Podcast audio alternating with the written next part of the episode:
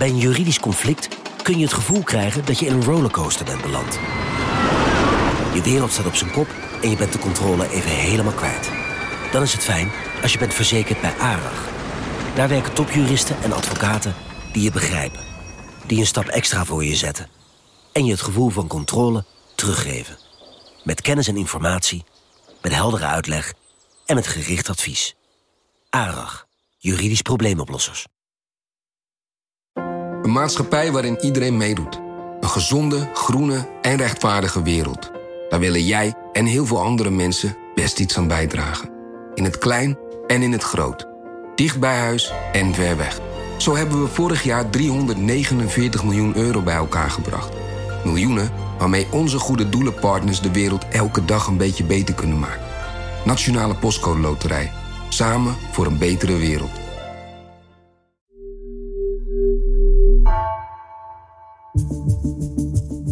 Vanaf de redactie van NRC het verhaal van vandaag. Mijn naam is Floor Boon.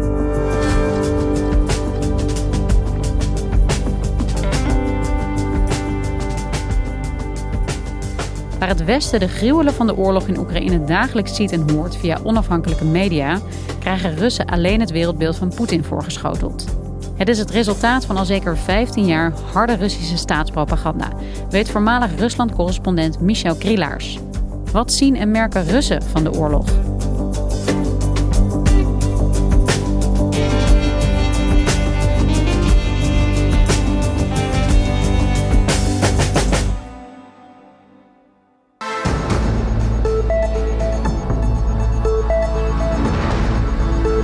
Кубани простились с капитаном армии, погибшим в ходе спецоперации на Украине. Dit is een uitzending van het Russische Россия uh, 24. Аэропорты Юга закрыты до 8 марта, откуда можно улететь и как вернуться домой из зарубежных стран.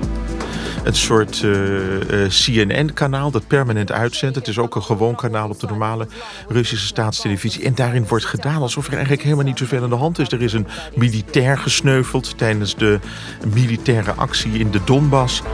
Бизнесу окажут поддержку в Южном таможенном управлении, помогают тем, у кого En verder, ja, de vliegtuigen kunnen niet meer opstijgen, de vliegvelden zijn gesloten.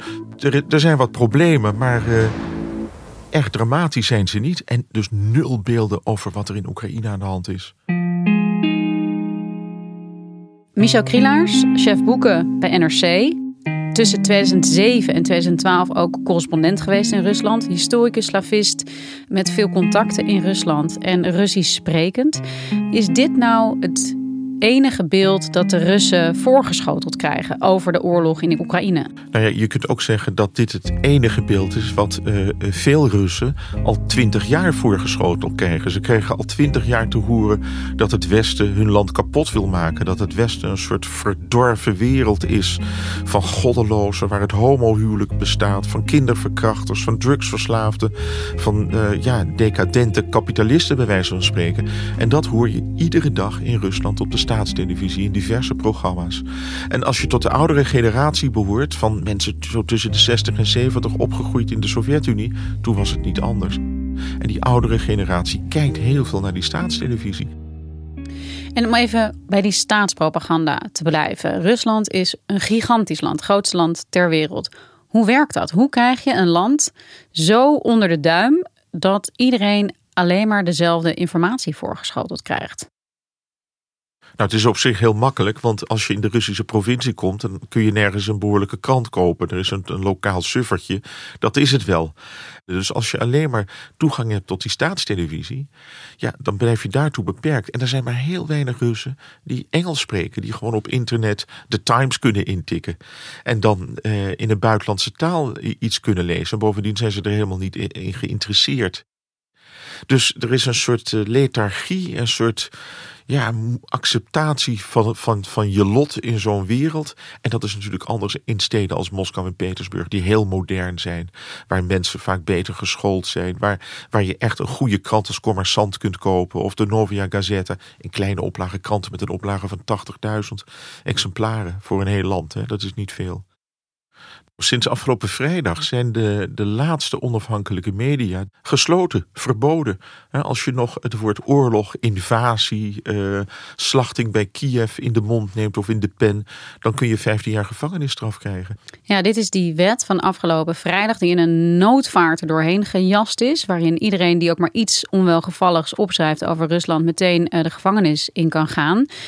Is dit het allerlaatste strohalmpje van de vrije pers en het ja, recht op vrije informatie zoals wij dat kennen, dat nu de nek om is gedraaid? Zo is het. En het ziet er naar uit dat ook Google wordt afgesloten en dat er een, uh, een eigen Russisch internet wordt ingevoerd. En het is niet zo dat uh, alleen alle westerse correspondenten uh, zijn vertrokken afgelopen dagen. Maar het geldt ook voor heel veel Russische journalisten van die paar onafhankelijke media die er nog zijn van Radio Echo Moskwi en TV Dost, een televisiezender en een radiozender, waar uh, echt honderden jonge journalisten werken. Het schijnt dat die grotendeels allemaal naar Georgië zijn gevlucht. En om daar hun werk voor te zetten als een soort uh, ja, radiozender in ballingschap. Michel, de EU heeft vorige week een verbod afgekondigd op uh, staatspropaganda vanuit Rusland. Onder andere Russia Today en Sputnik. Dat is een van de maatregelen die zijn genomen tegen Rusland. Maar is dat nou eigenlijk wel zo verstandig gegeven dat Poetin dit alleen maar als een stok kan gebruiken om nu ook alle westerse journalisten zijn land uit te slaan? Ik weet het niet. Ik weet wel dat er in uh, uh, Berlijn honderdduizenden Russen wonen die alleen maar naar, de, naar Russische talige media luisteren en heel erg voor Poetin zijn. Dus dat kan ik me voorstellen dat dat ook elders zo is. En dat er ook mensen zijn, zeker in de uh, populistisch rechtse partijen, die denken dat dit de waarheid is. Ik ken zelf toevallig enkele mensen die helemaal zweren bij Russia Today. Vinden ze een geweldige zender. En die vinden alles wat wij opschrijven in de krant dat het totale onzin is en door Amerika gevoerde propaganda is. Hoe kijken de Russen eigenlijk naar wat er nu gebeurt? Als je het even hebt over percentages. Welk percentage van de Russen is überhaupt bezig met informatie uit het buitenland bijvoorbeeld? 70 procent uh, lijkt deze oorlog te steunen. Maar die 70% weet eigenlijk niet veel meer dan dat die oorlog zich afspeelt. Dat er een speciale militaire operatie wordt gevoerd in de Donbass, in die twee oostelijke gebieden van Oekraïne. In Moskou zijn heel veel jonge Russen ook werkzaam in de financiële wereld. Bij westerse bedrijven, westerse banken, Russische banken. Die moeten natuurlijk de beurskoersen in de gaten houden. En dus de wereldpolitiek. Die zijn goed op de hoogte. Laten er in Moskou 2 miljoen goed op de hoogte zijn, 3 miljoen. Die mensen lezen, willen weten wat er gebeurt. We zijn nu ook ja, bijna twee weken alweer onderweg in die oorlog in Oekraïne. Wat zien de Russen allemaal niet? Ze zien niet uh, de beelden die wij zien van de aanval op Kiev. Ze horen niet dat het Russische leger met een enorm konvooi aan het optrekken is naar Kiev. En dat waarschijnlijk een deze dagen de invasie van Kiev uh, begint, de bestorming van Kiev. De bombardementen op Kharkov zien ze niet. Uh, die kerncentrale die uh, veroverd is, daar zien ze echt allemaal niets van. Ze denken dat er een soort hele kalme, ja, een soort politionele actie aan de gang is in de Donbass. En dat is het. En hoe zit het met die miljoenen Russen die familieleden hebben, bijvoorbeeld in Oekraïne? Hebben die niet ook contact via de telefoon en horen ze niet op die manier wat er zich ja, afspeelt? Die, die, die bellen elkaar natuurlijk wel, maar dan is het absurde. Kijk, iedere Rus die ik ken in Moskou heeft wel een Oekraïense grootmoeder of een Oekraïense neef. En die bellen elkaar natuurlijk. En dan is het vaak zo dat die oudere generatie, die dus alleen maar naar die staatstelevisie kijkt, die wil gewoon neefje, nichtje of uh, uh, de andere kant niet geloven. Maar het enige wat wel helpt is dat heel veel moeders in Rusland met hun zoontjes bellen. Леш. Alyosha, how are you doing? Why has it been so long since you responded? He, die daar vechten in het Russische leger. En die krijgen dan ineens wel te horen wat er aan de hand is. En er was een prachtige brief die gevonden is op het uh, stoffelijk overschot van een gesneuvelde soldaat. Die aan zijn moeder schrijft. En die zegt: Mama, Mama I'm in Ukraine. There is a real war raging here. Ik ben bang. We dachten dat we hier kwamen om de Oekraïners te bevrijden. We are bombing all of the cities together, even targeting civilians. We were told that they would welcome us. En die jongen is een, een half uur later gesneuveld. Mama, this is so hard. And this was several moments before he was killed.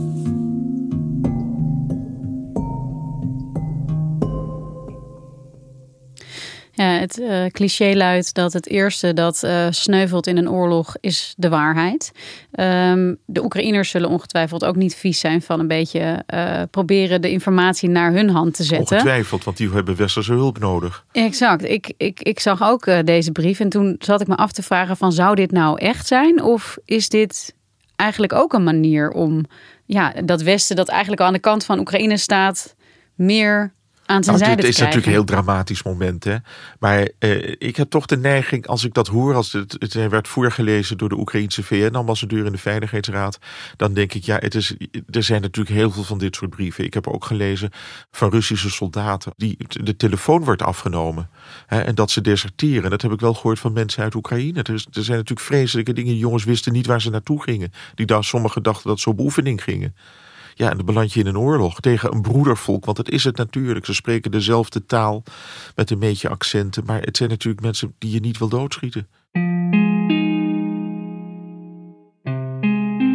Dat er ook op den duur en misschien nu al uh, veel Russische militairen dood terugkeren naar Rusland. Uh, en op die manier duidelijk maken dat uh, het wel erger gesteld is in die oorlog dan Poetin doet voorkomen. Gaat dat nou nog enig effect sorteren? Ja, ik vraag het me af. Kijk, volgens de Oekraïners, dat zal deels propaganda zijn, zijn er al zo'n 10.000 Russische militairen gesneuveld. Wat we uh, hoorden in dat nieuwsbulletin van die Russische staatstelevisie, is dat er gewoon één militair naar zo'n provinciestadje komt en die wordt met alle eerbetoon begraven. Ik ben heel benieuwd hoe dat gaat als er duizenden lode kisten terug worden gebracht naar Rusland. En hoe zit het met Alexei Navalny, de oppositiepoliticus? Misschien nog wel de enige die af en toe iets laat horen. En die, ja, ook al zit hij in een strafkamp, heeft opgeroepen aan alle Russen om iedere dag om zeven uur s'avonds, geloof ik, en in het weekend om twee uur s middags de straat op te gaan. Heeft dat nog enig effect? Nee, kijk, je moet niet vergeten dat Navalny in, uh, in het Westen bekender is dan in Rusland. Ik denk dat er misschien, uh, misschien 20 miljoen mensen weten in Rusland wie Navalny is. En ja, hij roept op tot protest. We hebben gezien waar het uh, afgelopen zondag toe heeft geleid. Ik geloof dat er enkele tienduizenden mensen in het hele land de straat op zijn gegaan. Er zijn er geloof ik weer vier of vijfduizend gearresteerd. Net zoals die week daarvoor. Ja, het is natuurlijk, het, het stelt helemaal niet zoveel voor. From Yekaterinburg to St. Petersburg to the capital, Moscow. Thousands of Russians across the country sharing one chant, one voice. War must be stopped. It must be. It's crazy what's going on right now. We should all shout no to war. En Michel, even los van het wereldbeeld dat Russen wordt voorgeschoteld en uh, dat steeds ja, eenzijdiger wordt, kun je zeggen, in Rusland. Er zijn economische sancties afgekondigd. De buitenlandse tegoeden van de centrale bank zijn bevroren. De roebel heeft een duikvlucht gemaakt. Wat merken die Russen nu in hun dagelijks leven van die oorlog? Nou, ze kunnen in de eerste plaats geen geld meer uit uh, de pinapparaat halen. Dus dat is natuurlijk al een drama. Uh, heel veel moderne Russen die in Moskou wonen en werken, die hebben de afgelopen jaren een creditcard uh, bemachtigd. Kun je lekker op krediet kopen. Dat kan dus allemaal niet meer. Heel veel supermarkten in de grote steden zijn eigendom van buitenlandse bedrijven. De Bila, een Oostenrijks concern. de Auchan, een Frans concern. Die trekken zich allemaal terug. Die producten die daar worden verkocht, die komen ook allemaal uit het buitenland. Of die worden in fabrieken van die buitenlandse firma's gemaakt. Dat houdt ook op. Dus er is al een verbod op hamsteren ingevoerd afgelopen weekend. En het zal er toch op neerkomen dat op een gegeven moment, ja, dat je weer teruggaat naar die, uh, naar die augurk en die koolsoep en die sponsige kaas van de Sovjet-Unie. Echt veel lekker eten wat je in Moskou en Petersburg gewend bent. Dat, dat houdt op. En dan moet je ook bedenken dat die middenklasse die er is, van zo'n 20 miljoen mensen, gewend is om zomers twee weken naar Italië te gaan, winters een weekje te gaan skiën in Oostenrijk. Ook allemaal afgelopen. Dus vooral die middenklasse, die het onder Poetin beter heeft gekregen, althans die onder Poetin is opgekomen, die gaat alles wat ze hebben opgebouwd de afgelopen jaren verliezen. En hoe zit het met de oligarchen? Uh, zij worden ook getroffen door sancties. Hun uh, uh, tegoeden in het buitenland worden bevroren, hun jachten worden in beslag genomen. Een van de dingen die vaak worden gezegd is dat juist die oligarchen getroffen moeten worden, dat zij iets zullen kunnen keren in Rusland. Hoe kijk jij daarnaar? Je ziet al dat de klassieke oligarchen uit de jaren negentig, en die nog altijd natuurlijk heel veel miljarden hebben, vaak ook in het buitenland verblijven. Hè. We kennen uh, Abramovich, de eigenaar van Chelsea, die vaker in Londen zit dan, uh, dan in Rusland. Die mensen laten hun stem wel horen. Die willen dit natuurlijk niet. Die zien toch hun rijkdom die ze hebben met een jacht van 250 miljoen dollar, las ik uh, een paar dagen geleden nog. Die zien dat ook verdampen. Ja, en die kunnen natuurlijk kunnen die een beetje, een beetje druk uitoefenen. Maar ja, ik denk de enige oplossing hiervoor is een, is een staatsgreep van binnenuit, een paleisrevolutie. En hoe groot is die kans? Zijn daar nog mensen binnen die entourage van Poetin die daar eventueel toe in staat zouden zijn? Dat weten we niet. We weten nog altijd niet wie de besluiten tot deze oorlog hebben genomen. Ik las nu ergens op een Russische site dat uh, waarschijnlijk uh, toch alleen maar Poetin het met zijn minister van Defensie en de opperbevelhebber heeft gedaan. Dat alle anderen van niets wisten. De oligarchen, de, de klassieke oligarchen wisten in ieder geval van niets. Dus die zijn heel erg boos. Maar je ziet ze ook, je zag ze in de Veiligheidsraad bij Poetin zitten. En dan zijn het bange lakeien. Zodra ze bij Poetin op het matje worden geroepen, dan zijn, zijn het knikkenbollende angsthazen. De economie ligt in puin, zeg jij. Mensen uh, raken alles kwijt wat ze hebben. Maar Poetin gaat onverschrokken door.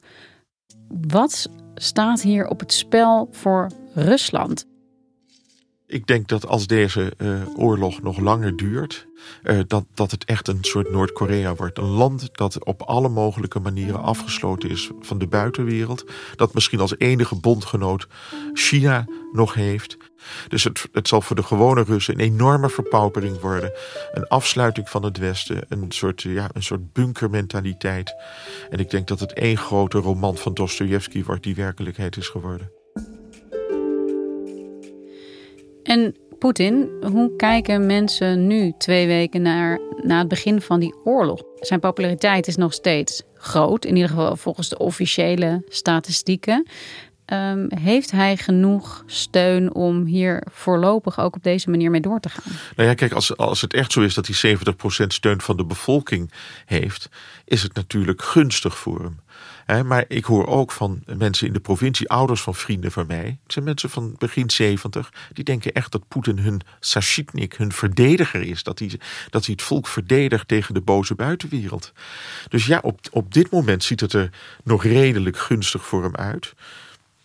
Het is tegelijkertijd zo dat als deze oorlog, die lijkt op, eh, die zou best eens in een guerrilla-oorlog in Oekraïne kunnen eindigen, dat er vele duizenden Russische soldaten zullen sterven. Hij kan niet meer terug. Dat is, dat is het idiote. Poetin zit in een doodlopende steeg. Als hij, als hij het aflegt in Oekraïne, is dit zijn politieke einde. Dan komt er misschien iemand die morgen zegt: uh, Vladimir Vladimirovich, je hebt je land grote diensten bewezen, maar het wordt nu tijd dat je terugtreedt. Als het vreedzaam gaat. Of hij wordt gewoon vermoord. En dan komt er weliswaar een andere autoritaire leider, maar die kan dan stoppen met die oorlog, want die denkt: dit land gaat kapot. Het is winnen of betalen met zijn leven. Dankjewel, Michel. Graag gedaan.